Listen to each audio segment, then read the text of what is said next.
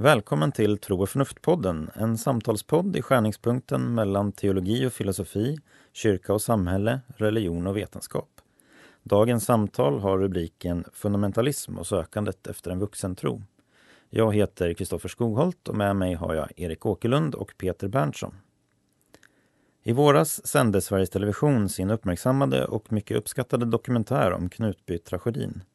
Under sommaren följde en debatt i tidningen Dagen om huruvida Knutby synliggjorde vissa teologiska riskfaktorer som pingströrelsen och den karismatiska kristenheten generellt behöver se och motverka. Peter Halldorf sammanfattade dessa teologiska riskfaktorer i en debattartikel med uttrycket fundamentalism. Utifrån grundtanken att fundamentalism kan förstås som ett försök att vara barn som vuxen, det vill säga att försöka relatera till Gud, tron och världen som om ens vuxna intellekt inte fanns, försöker vi i denna podd både att diskutera frågan om teologiska riskfaktorer, liksom vad som kännetecknar en vuxen tro som kan herbergera tillvarons komplexitet. Som inspiration för samtalet har vi läst Ylva Eggehorns bok Språk för en vuxen tro, debatten mellan Daniel Alm och Peter Halldorf samt sett Knutby-dokumentären. Vi hoppas på ett intressant samtal. Podden produceras av Sändaren i samarbete med Newman-institutet och Teologiska fakulteten vid Uppsala universitet.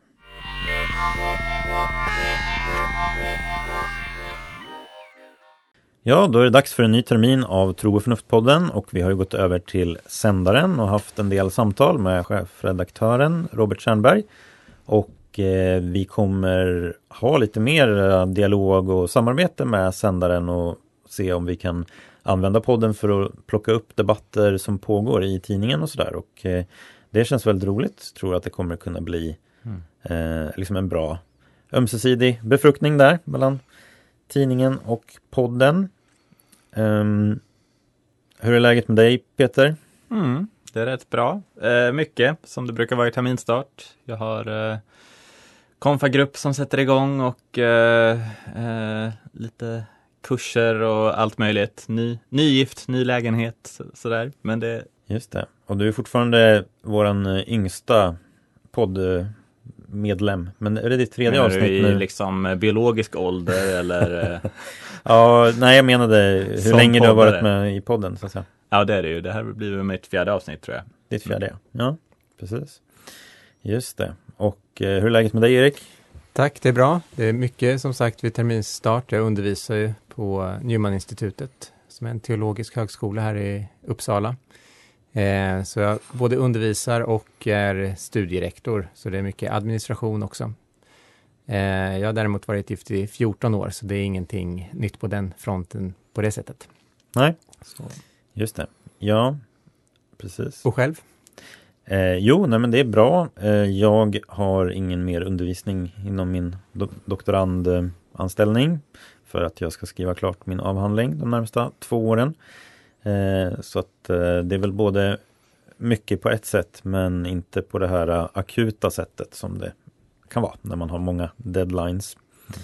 Och så, men eh, jag ser fram emot eh, ja, det nya poddkonceptet som, eh, som jag tror kommer bli bra. Och en sak som vi har tänkt att börja köra lite i podden är att ha ett avsnitt med lite spaningar sådär i början av podden och så vi ska snart eh, gå in på det. Men jag tänkte väl först bara säga någonting om temat för, för dagens eh, program. Då. Så mm. rubriken för dagens program är fundamentalism och sökandet efter en vuxen tro.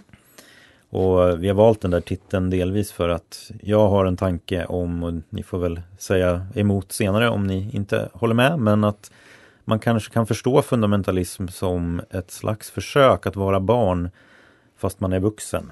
Så um, en naivitet som så att säga hamnar fel kan man säga.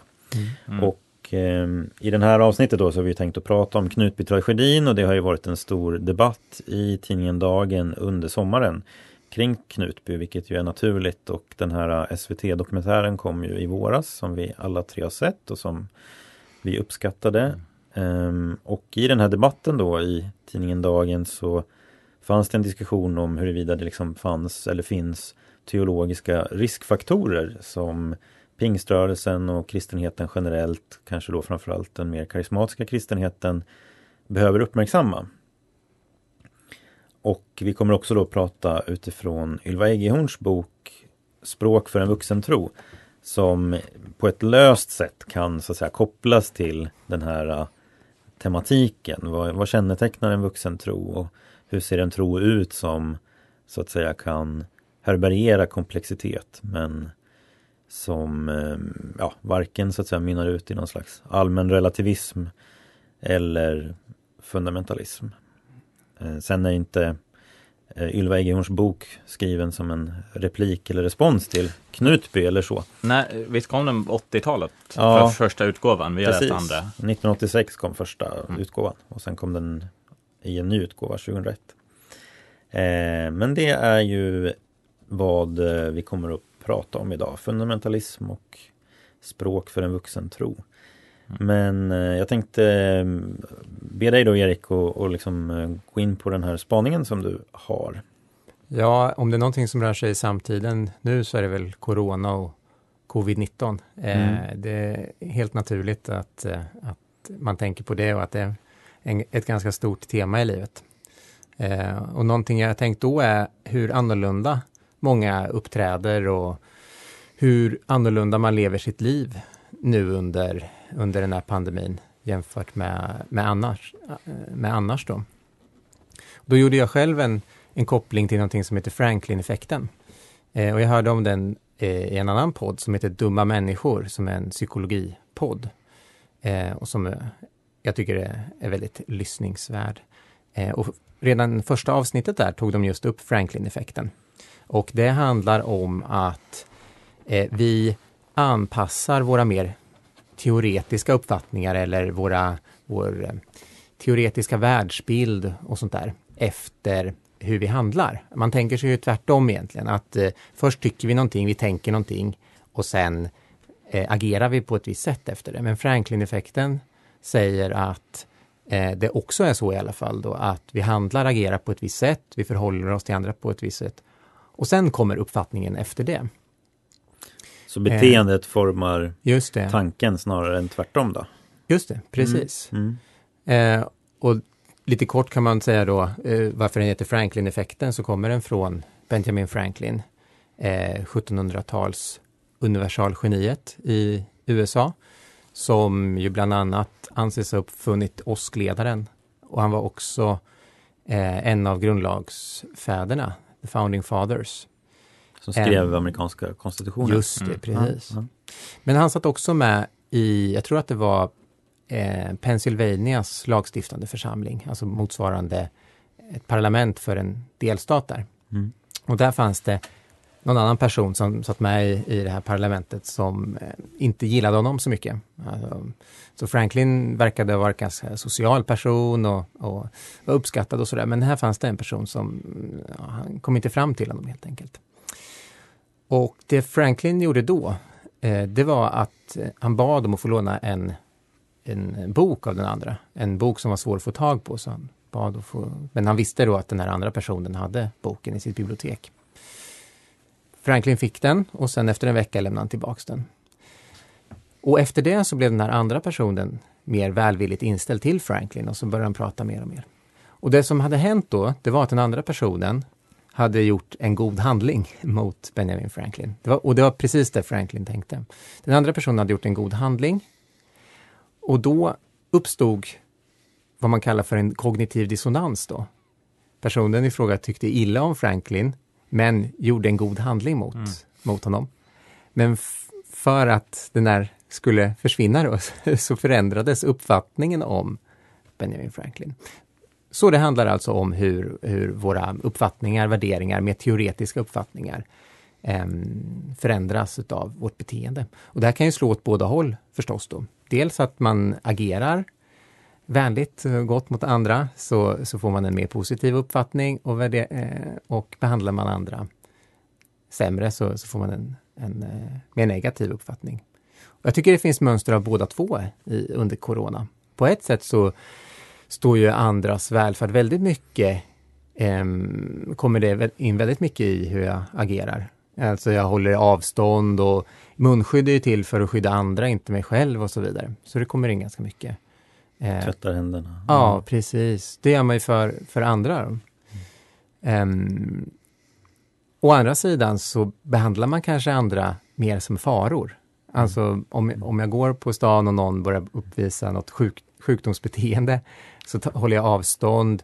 Eh, jag tycker att det är mer obehagligt med stora grupper och så vidare.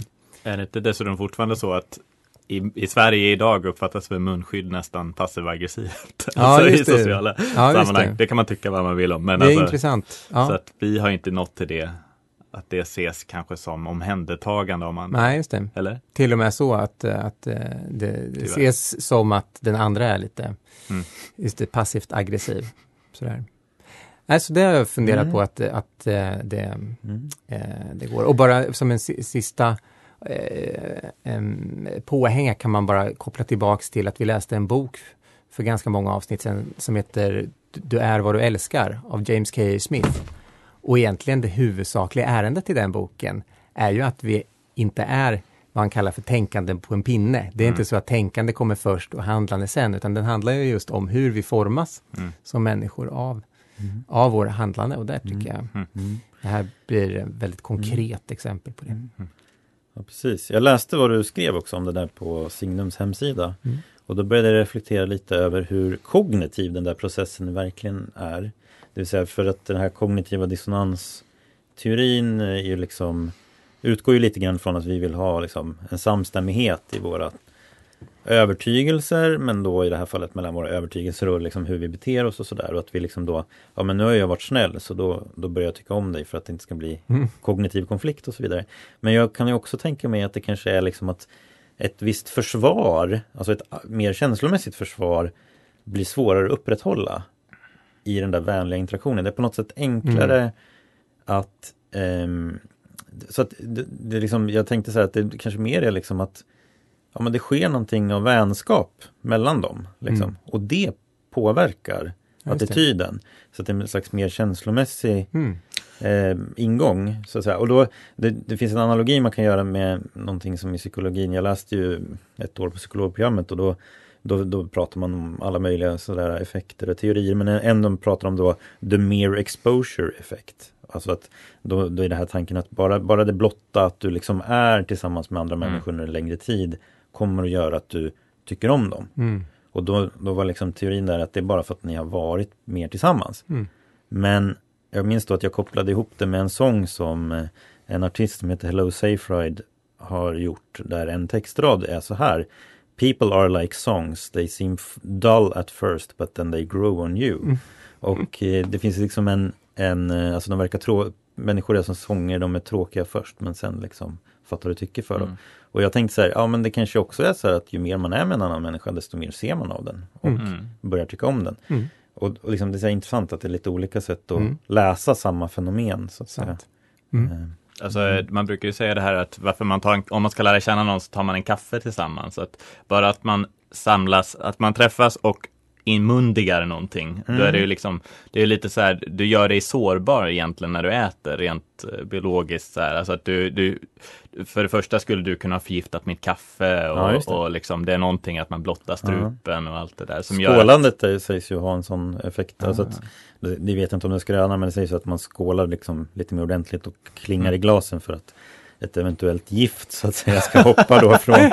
Men det är ändå lite misstankens, det är lite så misstroende situation på något sätt i grunden. Men, mm. Ja, ja. Nej, men intressant och det är ju självklart så säkert att liksom, hur vi förhåller oss till varandra mm. under pandemin påverkar. Mm.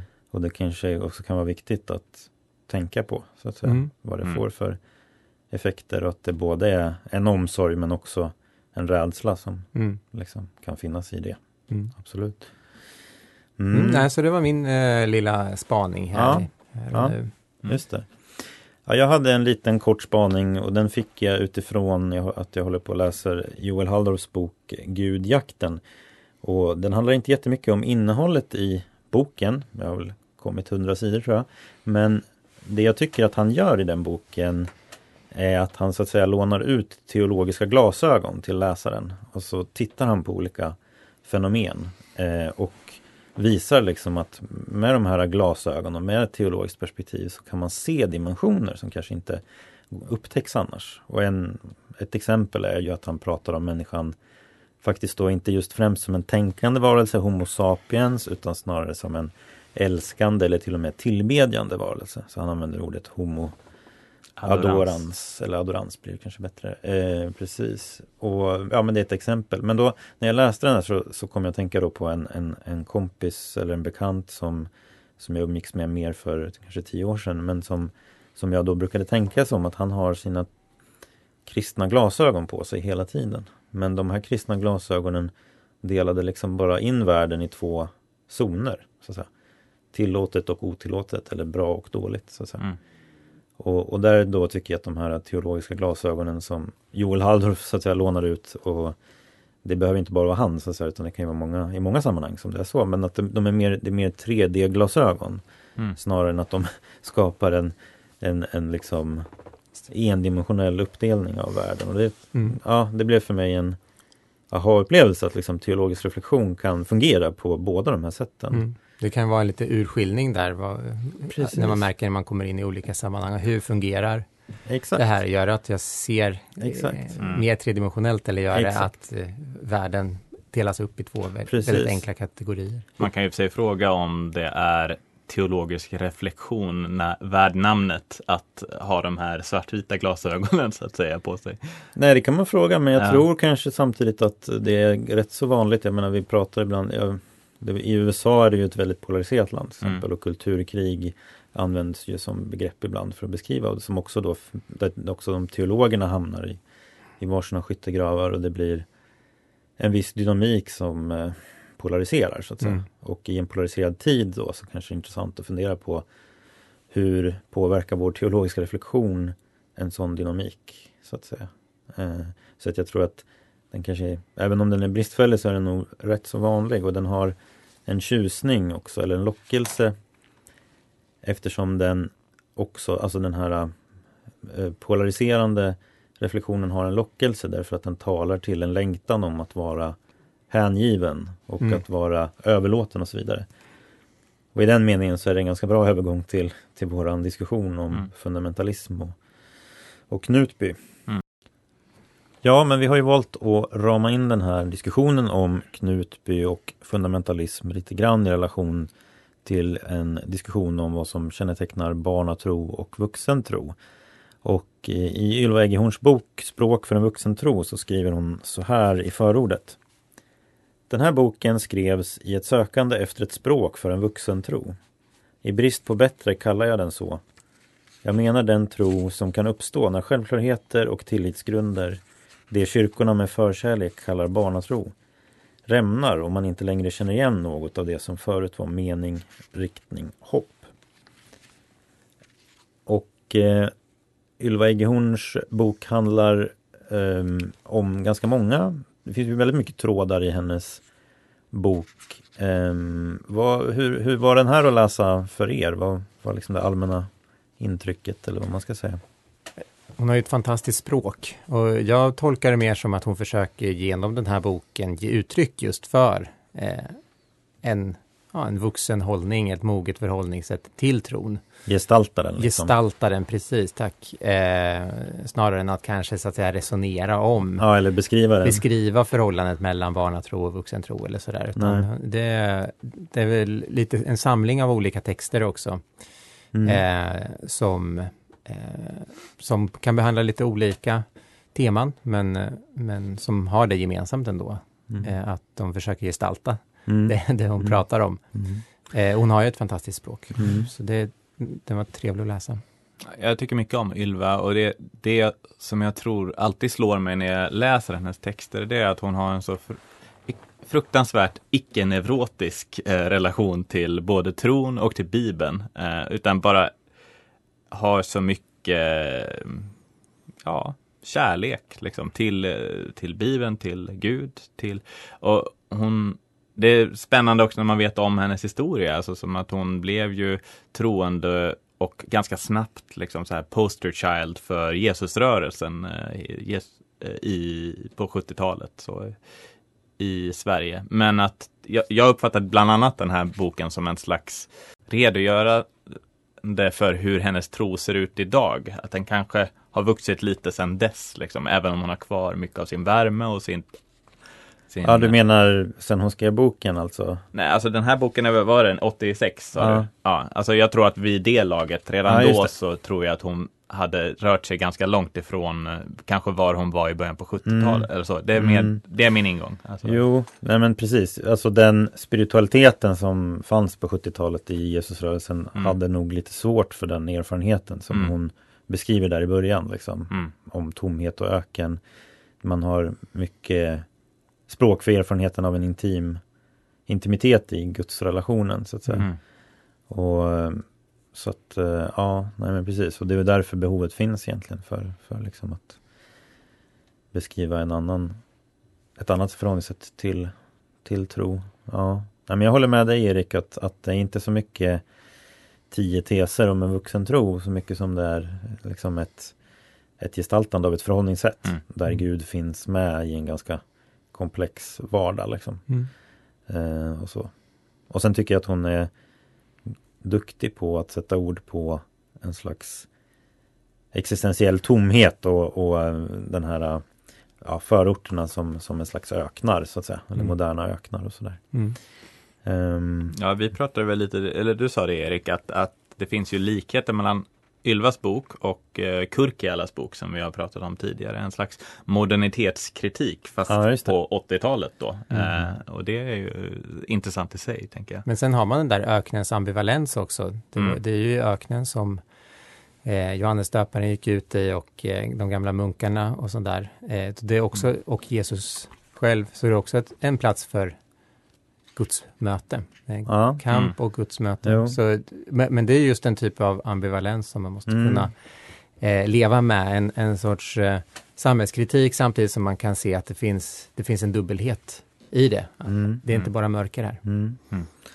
Om man ska säga någonting om, om liksom vad, vad som kanske kommer fram som jag, jag tänkte på som en aspekt av en vuxen tro så är det så att säga lite grann att Gud upphör att vara um, i barnatron så kanske Gud blir lite väl eh, gullig och tillrättalagd sådär. Mm. Lite, lite väl kontrollerbar så att säga. Och då finns någonting vilt så att säga i, i, i Gud som, som den vuxne, eh, vuxna tron förhåller sig till. Mm.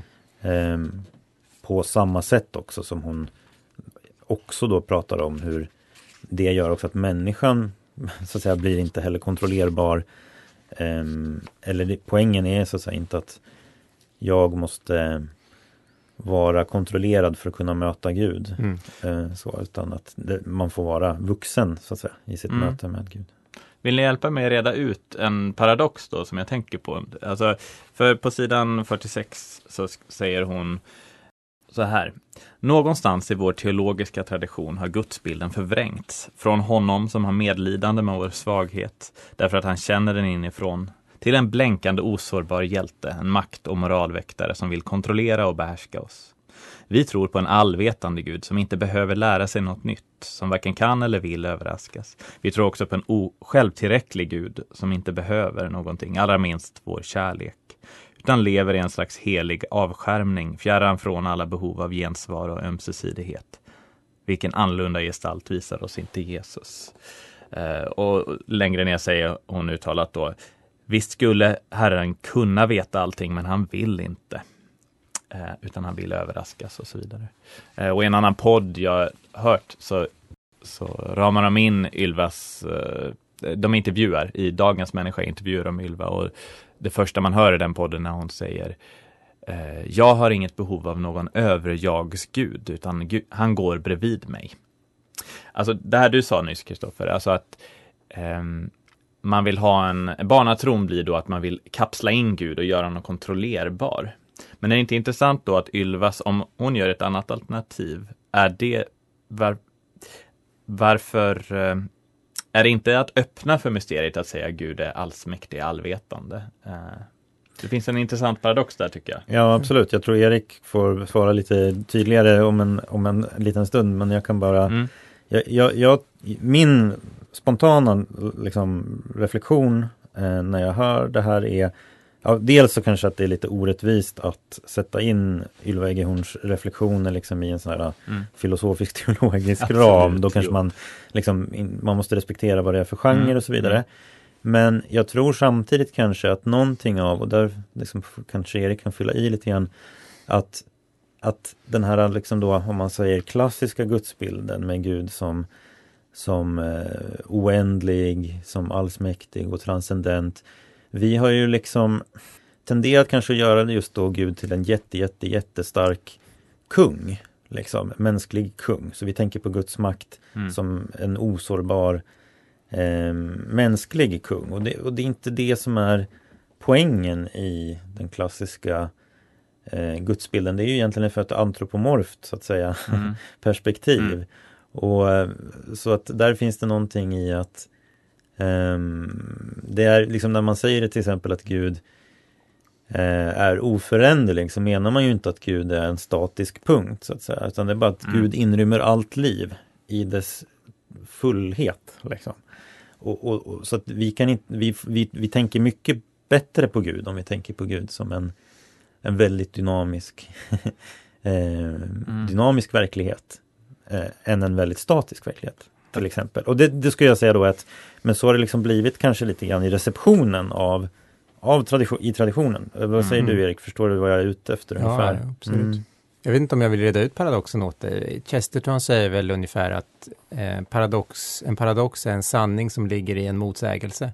Mm. Eh, och eh, vi måste ha båda de här med oss och det blir mer fantastiskt då också ju. Det lilla mm. Jesusbarnet som ligger där är den som har allt i sin hand också. Mm. Som både är allsmäktig och fullkomligt sårbar. Mm.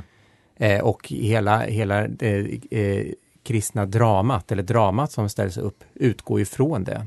Mm. Eh, och vi mycket av det som vi inte får ihop är för att det övergår förmågan i våra begrepp och ta tankeförmågor mm. att få ihop. Så man ska inte vara för snabb med att försöka eh, Eh, släta ut paradoxer heller. Eh, det är mer utav ett både och här. Mm. Eh, sen ska man inte heller nöja sig bara, jaha, det är si och det är så, punkt. Sådär. Utan det, mm. det, det är ju att vara inbegripen i en dynamisk förståelseprocess där man dras djupare och djupare in i mm. det här mysteriet eh, tillsammans med att en, ens kärlek till, till Gud och till andra människor växer. Kunskap och, och vilja mm. hänger ihop. Eh, att ha kunskap om Gud och älska Gud mm hänger ihop. Eh, men ehm, eh, man ska inte vara för snabb att, heller att mm. försöka mm. få ihop allting till. Men kanske man... är det då, gäller lite grann att så att säga växla i sina perspektiv och bilder, alltså mm. låta dem eh, korsbefrukta varandra så att säga. Mm. Eh, jag kommer att tänka på en, en artikel jag läste om hur, hur de första kristna och Paulus och, och de andra författarna av Nya Testamentet använder begreppet härlighet på Jesus. Mm.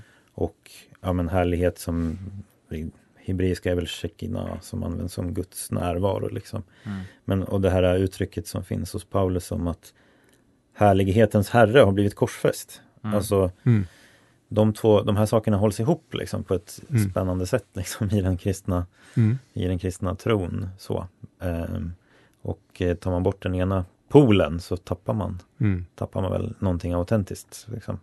Men, mm. eh, och jag tycker egentligen inte att Ylva är en i sin spiritualitet, i sin levda spiritualitet och den som uttrycks i den här boken är inte en bild av någon som liksom inte tar Guds oändlighet och storhet på allvar. För det tycker jag att hon gör, utan det är mer att hon gör upp med kanske med en sån här liksom ja, men inkapslad eh, kung på en tron som, mm. som man egentligen då kan Exakt, kan som inte relat och du, den, den, tro, den guden blir också på ett sätt ofarlig för den mm. relaterar inte till mig mm. och, på riktigt liksom. Och, och, det kan väl vara mer säkert att ingå mm. i en sån, så att säga, ha en sån gudsbild på Absolut. ett sätt än en som är personligt involverad och intresserad. Så att säga. Mm. Mm. Så. Nu ska vi inte gå in på ex, exeges här och, och titta exakt vad, vad, hon menar, men generellt så är det väl nästan alltid så när det handlar om sådana dynamiker, mm. att det, det, riskerar att kunna slå över eh, att det blir för mycket av ena sidan. Det kan bli för mm. mycket av den här allsmäktige eh, guden som beskrivs i rent filosofiska termer och så är, är någonstans långt borta. Mm. Och det kan å andra sidan bli allt för mycket av eh, vardaglighet och att allt bara är som det brukar vara. Det blir också en sorts inkapsling. Det är väl i dynamiken mellan de där som, det, som det just blir dynamiskt. Men för hon har ju, jag. för jag tänker till exempel att, att, att fallgropen med att ha en alltför, vad ska vi säga, immanent gud eller en gud som är alltför mycket bara i mitt psyke nästan, eller bara en del, en utökning av mitt eget ego kan jag Mm. ibland känna med vissa som uttrycker sådana här skepti, skepsis mot den allsmäktige guden så att säga. Eh, diket där blir ju att det blir liksom lite inåtvänt och lite, att man låter sig inte tilltalas av verkligheten. Eh, Mm. Men det just det gör han ju upp med ganska tidigt, alltså hon pratar om den som, hon, det är väl på 86 då som hon gör den här spaningen att det finns en tendens att fjärma sig från omvärlden och att, eh, alltså vändningen till själv, vad heter Mm. det, the Av- turn inward eller vad man säger. Ja, just det. Vändningen till subjektet. Till och- subjektet. Avskärma, avskärma. Den avskärmade Jag tyckte det var lite intressant för det hon beskriver där om den där avskärmade människan, det är Mm. den som så att säga inte lever i verklig kontakt med andra. Mm. Och, och nu har ju sociala medier kommit sedan den Mm. här skrevs och just ordet avskärma kan Mm. man ju så att säga Till leka med lite så att säga. Alltså att det, Ja. en ekokammare i Mm. sociala medier Mm. och att en, en gemenskap som inte som egentligen inte är konkret så att säga och som inte är reell på ett sätt. Alltså Mm. vi har en falsk intimitet på olika sätt Mm. kanske man skulle kunna säga. Mm. Det finns positiva saker med sociala medier också men, Mm. men liksom det är där hon pratar om att, att, att liksom inte behöva på ett sätt inte behöva besväras av andra har på något sätt Mm. kanske förstärkts lite Mm. eh, med sociala medier på ett sätt. Mm. För den avskärmade, för jag reflekterar över det när jag läste det, men kan man, vi ska ju prata lite senare om Knutby, alltså är en person som alltså, har en väldigt stark fundamentalistisk bild, där tenderar det att bli lite avskärmat. Exakt, och, och jag tycker egentligen att det finns en ganska intressant likhet mellan en stark relativism och en fundamentalism. Mm. Mm. För varken Absolut. relativisten eller fundamentalisten är sårbar för verkligheten. Mm. Ehm, Mm. och, och, och det är också där en verklig gud, så att säga, till skillnad från en konstruerad gud, är man ju i någon mening sårbar inför. Mm. Precis som man är, man är, den är inte helt i min kontroll.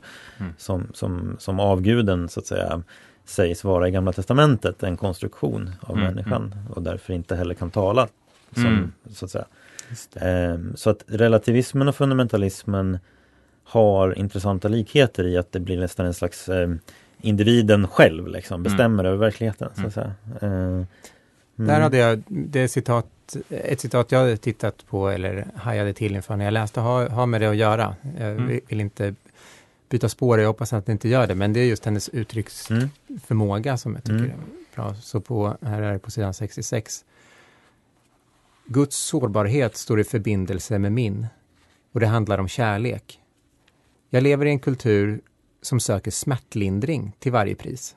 Mm. Frånvaron av smärta är i vårt samhälle själva kriteriet på ett lyckligt, lyckat liv. Vi har glömt smärtans omistliga funktion. Att visa att det finns en annan, något annat, utanför mig själv, som kan beröra mig. Smärtan i livets tjänst står vi främmande inför. Det har vi med, med, med det att göra egentligen. Det, för Absolut. jag tycker att det är en ganska fin analys att, att mycket kanske just utav det handlar om att försöka undvika smärta eller Ja. jobbighet och, och på Och där- annat. Men det är oundvikligt i, i en äkta gemenskap eller i en äkta kontakt med andra. Så Ja. det går inte att Nej. komma undan. Men här skulle jag också säga att det finns en, en, eh, en brygga så att säga till Knutby eh, tragedin och till debatten där. Därför att problemet i det fundamentalistiska sammanhanget som, som Peter Halldorf lyfter fram, det är just att man skapar, alltså vad är smärta egentligen? Det är ju kroppens sätt att säga att det finns någonting här som du behöver uppmärksamma, Mm. någonting som är fel på något sätt. Mm. Mm. Eh, när fundamentalismen, eller när Åsa Waldau då i den här Knut, eh, säger till Peter Genbeck, den andra pastorn, att problemet med dig, när han är kritisk till läran om Kristi brud, problemet med dig Peter, det är att du tänker för mycket. Det ska man, ju, man kan ju se det så att säga som att hans intellektuella smärtsystem har Mm. vaknat. Mm. Mm. Och i de, i de här sammanhangen, så det är det Peter Hallor frågar, vad är det i våra sammanhang som gör att en del människor tror att de måste stänga av sina känslor och sina tankar Mm. Mm. för att komma närmare Gud. Alltså Mm. sina smärtsystem skulle man kunna säga. Eh, och då, då, då tappas så att säga, all förmåga till någon slags urskiljning försvinner. Och då Mm. kan det ju gå hur tokigt som helst. Så att säga. Mm. Ehm, Och det har Mm. väl att göra med just synen på förhållandet mellan eh, andlighet och värld.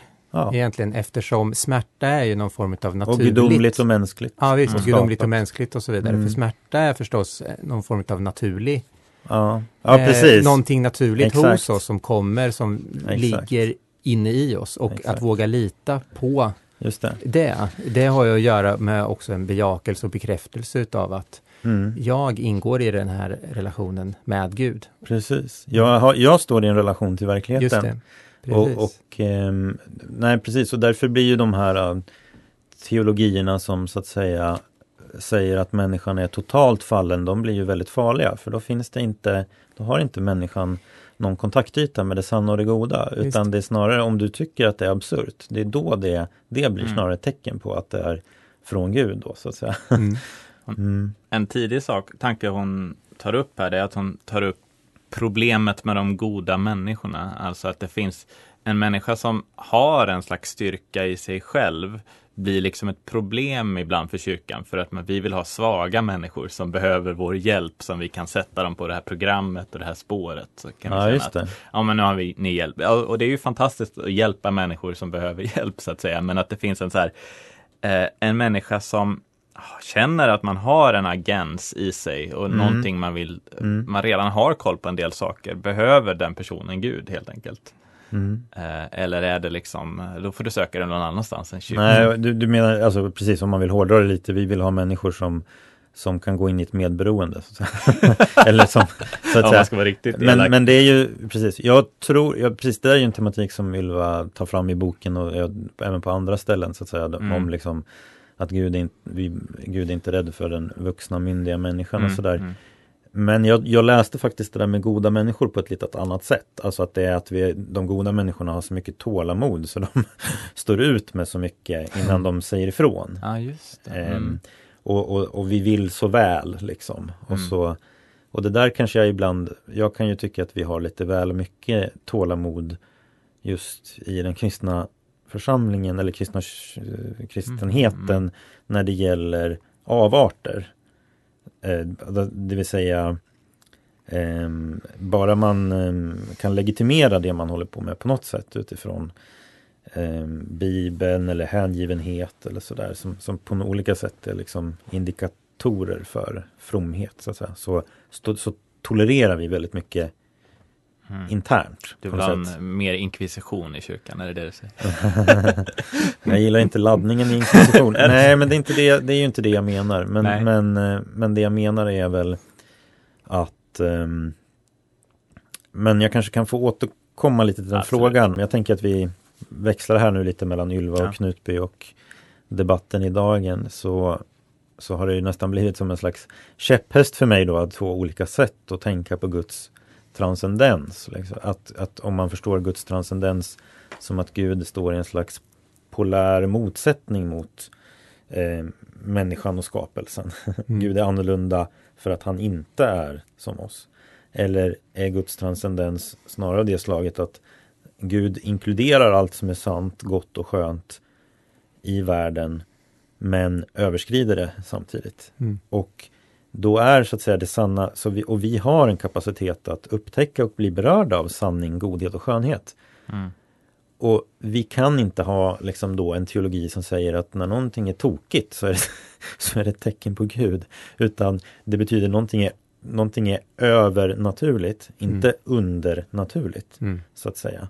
Alltså det ska inte komma under det skapades nivå så Mm. att säga när, i dess naturliga. Och det är det som när religion blir negativ, då förvrider den det, det skapade. Alltså, eh, men när religion fungerar som nåd så fullkomnar det och förä- fulländar det. Mm. Det var väl en av alltså, sätten som den här Kristi brudläran eh, lanserades bland församlingen. Du nämnde ju det där, du ska inte tänka så mycket Nej. Peter, eh, Peter Genbeck. Eh, och eh, att Ja men alltså att det var också så att när man började då fråga va, varför har Gud utvalt Precis, hon hade två argument enligt Genbeck. Då. Det ena var att problemet är att du tänker för mycket, du måste gå mer Ja. på ditt hjärta och det där skulle vi kunna diskutera Ja, också. Men, och det andra var att visst, absolut, det är ju orimligt att en kvinna i Knutby Ja. skulle vara omnämnd i Bibeln som Kristi brud. Ja. Men det är ju precis så Gud är. Gud går, gör det vi inte kan tänka och, liksom, och Mm. då blir det så att säga då det oförnuftiga blir ett tecken på Guds Mm. eh, ledning här. Snarare än att, att Guds ledning kastar ljus på det som förnuftet kan eh, se. Men Mm. kan gå utöver det, men kasta Mm. ljus på det. För det är intressant att samma samma då bibelord som pratar om liksom mina vägar, inte era vägar, står det i Jesaja. Liksom. Ja. De bibelorden har ju apofatiska teologer och mystiker använt hela tiden för att liksom, åh, Gud är alltid större än mina begreppsvärldar. Liksom. Mm. Men här används det som ett sätt att bara döda förnuftet helt. Liksom, Mm. och bara, ja, men det betyder att jag kan slänga ut vad som helst om Gud och säga att det, Precis. det är Gud Precis. för att det är orimligt. Precis, det finns egentligen inga kriterier kvar. Liksom. Det handlar väl om inriktningen i spiritu- i spiritualiteten. Jag, kom, jag tänker om och om igen här också på Joakim Elsanders bok eh, På väg, heter den va? Mm. Som vi läste här i, i, våras och diskuterade. Just det här med det vardagliga. Alltså det här är ju en spiritualitet också som ju söker Gud i det som är väldigt, som bryter av väldigt mycket. Eh, och om, om, ja, om ni tål ett eh, citat Mm. till bara, så, så eh, tyckte jag att den här var väldigt i, i linje med det. Guds rike bryter fram, alltid lika överraskande. När en kvinna står och bakar, när hon sopar sitt golv och finner ett borttappat bröllopssmycke, när en herde letar efter ett bortsprunget djur, när en far hissar sitt barn i luften, när en man gräver kring sitt fruktträd och låter det växa ännu ett år, när två gravida kvinnor hälsar på varandra, på ett bröllop, vid en sjukbädd, en begravning, en byggarbetsplats. Och en sak jag tycker om det är att hon interfolierar bibliska bilder. Herden, två gravida kvinnor som möts eh, och så vidare med andra situationer. Och så tror jag precis det är de här bilderna Jesus ger ska fungera. Vi hade ju för, väldigt länge sedan nu Alistair McGrath, en bok i naturlig teologi, där han just gick igenom hur, hur Jesus så att säga, pekar på olika exempel i naturen som pekar på Gud.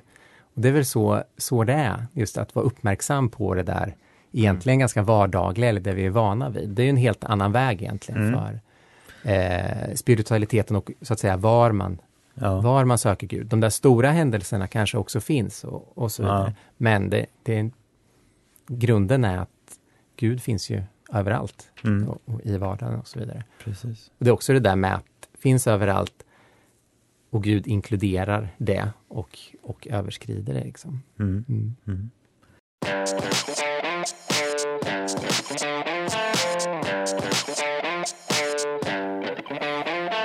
En sak som jag fastnade lite för när jag läste boken var i början av boken så gör hon en hänvisning till eh, Lunda-teologen Gustav Wingren, Mm. 1900-talsteolog, som hade en ganska intressant reflektion om hur kyrkan då under moderniteten tappat en del av sina tidigare liksom, eh, roller i att liksom vara konkret hjälp och stöd för människor eftersom välfärdsstaten har tagit Mm. över många av de funktionerna.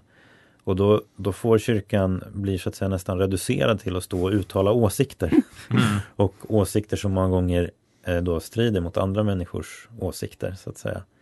Och om man bara har den relationen till kyrkan Mm. så börjar man uppfatta kyrkans närvaro då som Gustav Wingren säger då, primärt som ett tryck. Mm. Och, det, och sen gör hon en koppling där till, till eh, israeliterna som, som befrias ut ur Egypten och som har ett slags möte med Gud innan lagen kommer. Lagen är inte det första så att säga, det är Mm. inte det som etablerar. Och jag minns när jag själv kom till tro så var det en ganska eh, central insikt för min del då. Liksom att jag hade nog uppfattat kyrkan som, som att den liksom ville göra samhället mer moraliskt så att Mm. säga. Eh, men, men att det fanns liksom en, en gudsrelation som var mer primär eller vad man ska säga för, Mm. för kyrkan egentligen. Och det där, ja det tyckte jag var, det är bra, det var bra uttryckt där och det är väl kanske också en ännu större fara nu då med, med när vi ju lever i ett åsiktspackat samhälle, Mm. verkligen. Mm. Ehm, och, och vi relaterar till varandra ganska mycket också ut- utifrån vilka åsikter folk har och sådär. Jag kommer ju inte från någon barnatro utan nej. kommer helt utifrån. Jag kan verkligen relatera till den bilden av kyrkan, att det är nog den som, eh, som man har. Så jag slogs av det hon skrev, att det var väldigt träffande och att det finns någonting i själva dynamiken i samhällsutvecklingen som gör att det är väldigt svårt att komma undan den Mm. bilden av det moraliserande, av att Ja. man, man tycker sig och så. Men det, det är egentligen först när man kommer bakom där och ser att det här finns något betydligt mer Exakt. grundläggande. det finns något slags liv som är, och det är därför det också är Jag har varit i TC ett par gånger och det finns en, finns en ortodox fransk teolog som heter Olivier Clément Mm. som har skrivit en bok om TC och i en av de böckerna så säger han att det finns väldigt lite fokus på synd i TC. Mm. Och jag är väldigt glad för det, säger han. Och, och liksom, ja men det är ju, även om man inte, alltså, mot, allt, det enda alternativet är ju så att säga inte att negera. Mm. Eller hur? Nej, det visst. måste vara att kunna lyfta upp på en Ja. annan nivå och säga att det finns någonting För det är det som är Mer så säga, grundläggande. Exakt, och mer centralt. Det är det som är lite grann Måste man välja relativism eller fundamentalism så att säga? Nej, man måste inte välja något av dem. Nej. Och på samma sätt så behöver man väl inte heller eh, så att säga välja välja liksom en, en, en väldigt rigid eh, spiritualitet eller liksom säga att det finns ingenting som heter synd så att säga, utan Mm. man, men man liksom bara ja, det i, i kyrkan har ett mer primärt budskap liksom. Mm. Som, Mm. som, så. Och, och jag tycker det är intressant för att Ylva, när jag började, när hon tar upp det här tematiken så var jag rädd att hon skulle komma in på ett, ett uttjatat spår som jag hade börjat gäspa av om jag läste, som är liksom att så här, ja men vi ska inte ha lag och vi ska inte ha normer och regler, det är inte vad kyrkan ska hålla på med liksom. Men det hon säger, det hon börjar med är ju då att beskriva Mose, den stora laggivaren, och hur han fick först möta Gud ansikte mot ansikte så att hans ansikte började stråla av Herrens härlighet. Och så går han ner till israeliterna och de i, i sin glädje bygger tabernaklet och alla får som liksom ta del av den här härligheten och gensvara. Och att sen på det bygger lagen, på det bygger Torah, det som är den judiska eh, folkets ingång till vad det är att lyda lagen. De, det finns, visst, det finns normer och lagar och regler, men de är ett kärleksfullt gensvar och en kärleksfull upptäckt eh, snarare än ett, ett, ett regelpaket uppifrån. Mm. Eh, Mm. Och det, Och, och det Jesus gör är- ju just att fullkomna lagen. Inte Mm. jota ska ju tas bort. Kärleken är ju lagens fullkomning. Så det är just det där eh, förhållandet som du pratade om förut, Kristoffer, med att eh, transcendera, att inkludera och eh, ta vidare. Mm. Mm, nej men precis. Ehm, ja, det har varit ett ganska mm, Det har varit ett ganska svindlande samtal kanske, eller inte svindlande utan vindlande menar jag. mm, Eh, vi har väl, men jag tycker att vi har som eh, ändå cirklat runt tematiken Mm. och eh, gett lite smakprov på Ylva Eggehorns bok ehm, och på problemen med Knutby. Vi hade ju också tänkt att prata lite om Expressens barnatro serieartiklar och sådär. Men det har vi inte hunnit komma in på så mycket. Är det något ni vill säga om det? Nej, inte mer än att det är lite nedslående och, eh, hur många uppfattar ändå kyrkan och tro, apropå det här vi pratade om förut, hur, hur eh, kyrkan är, att man inte kan vara bättre ändå på att förvalta, mm, eh, har varit det i alla fall och idag också, förvalta det stora, ja, förtro, dels förtroendekapital och hur många som har varit inne i verksamheten. För det skriver ju de om med barnatro. De gick, gick i kyrkans barntimmar och de hade sjöng psalmer i, i skolan och sådär. Att Mm. kyrkan inte har varit bättre på att em, förvalta det och kunna föra det vidare utan att mm, de här personerna kopplar tron på Gud till tr- tron på tomtar och eh, annat som man just Mm. naturligt lämnar bakom sig Mm. där i, egentligen i fem sex års åldern någonstans. Jag tänker att, att Knutby, eh, det, Joel Halldorf eh, i Sektpodden bland annat pratar han om, om liksom sätt, och även i den här SVT-dokumentären som vi har nämnt. Eh, där pratar han om just Knutby som att i sin historiska kontext, eh, 90-talet, slutet av 90-talet och så, att det i frikyrkligheten fanns en så längtan efter en brinnande, hängiven, eh, radikal kristen tro. Eh, och att det var det man ville göra upp den, vad man upplevde som föräldragenerationens liksom, eh, stagnerade tro. Liksom. Att frikyrkorna mer och mer hade börjat kanske gå in i en slags institutionaliserande. Liksom. Mm. Och att det fanns en här, jag vill få brinna. Och i en av de här, och att det då, ja, alltså det här hängivenheten spårar ju då ur i Knutby. Eh, och jag tänker då på en av de här barnatroartiklarna som Erik Skylt skrev till exempel. Eh, han skrev om sin barnatro och han liksom på ett sätt liksom med viss sorg tar eh, avstånd från, har behövt ta avstånd från sin barnatro då. eh, om att be Gud och, om olika saker. Eh, I en tidigare artikel, jag vet inte om det är samma tidning, men där skrev han en artikel som hade rubriken tror jag, Jag vill få brinna. Och jag tänker på det, alltså att det, utmaningen för mig i alla fall som svenskkyrklig präst, det är just det som står för en kanske en mer institutionaliserad religionsform om vi säger så. Eh, det blir liksom det här att vi är inte alltid så bra på att eh, hjälpa människor att få brinna. Jag tänker att det är bland annat det Ylva försöker ge språk för, liksom att ett mer hållbart sätt att brinna i sin tro, att, att, att liksom låta tron på riktigt ta plats. Mm, absolut, och samtidigt för det så att säga frikyrklighetens eh, implicita ersättning för intellektuell reflektion. Mm. Att skapa brinnande personer, mm. för, människor för vilka gudsrelationen är så intim och levande. Så att frågorna, även om de finns där, inte behövs besvaras så att säga. Och det funkar ju i några år. Men de flesta människor har perioder av öknar och där mm. måste någonting annat kunna bära än min egen hängivenhet. I alla fall den emotionella hängivenheten. Mm. Och så så att jag, jag, jag förstår vad du menar Peter och jag, jag kan se att det finns en brist och ett behov där mm. liksom, i Svenska kyrkan.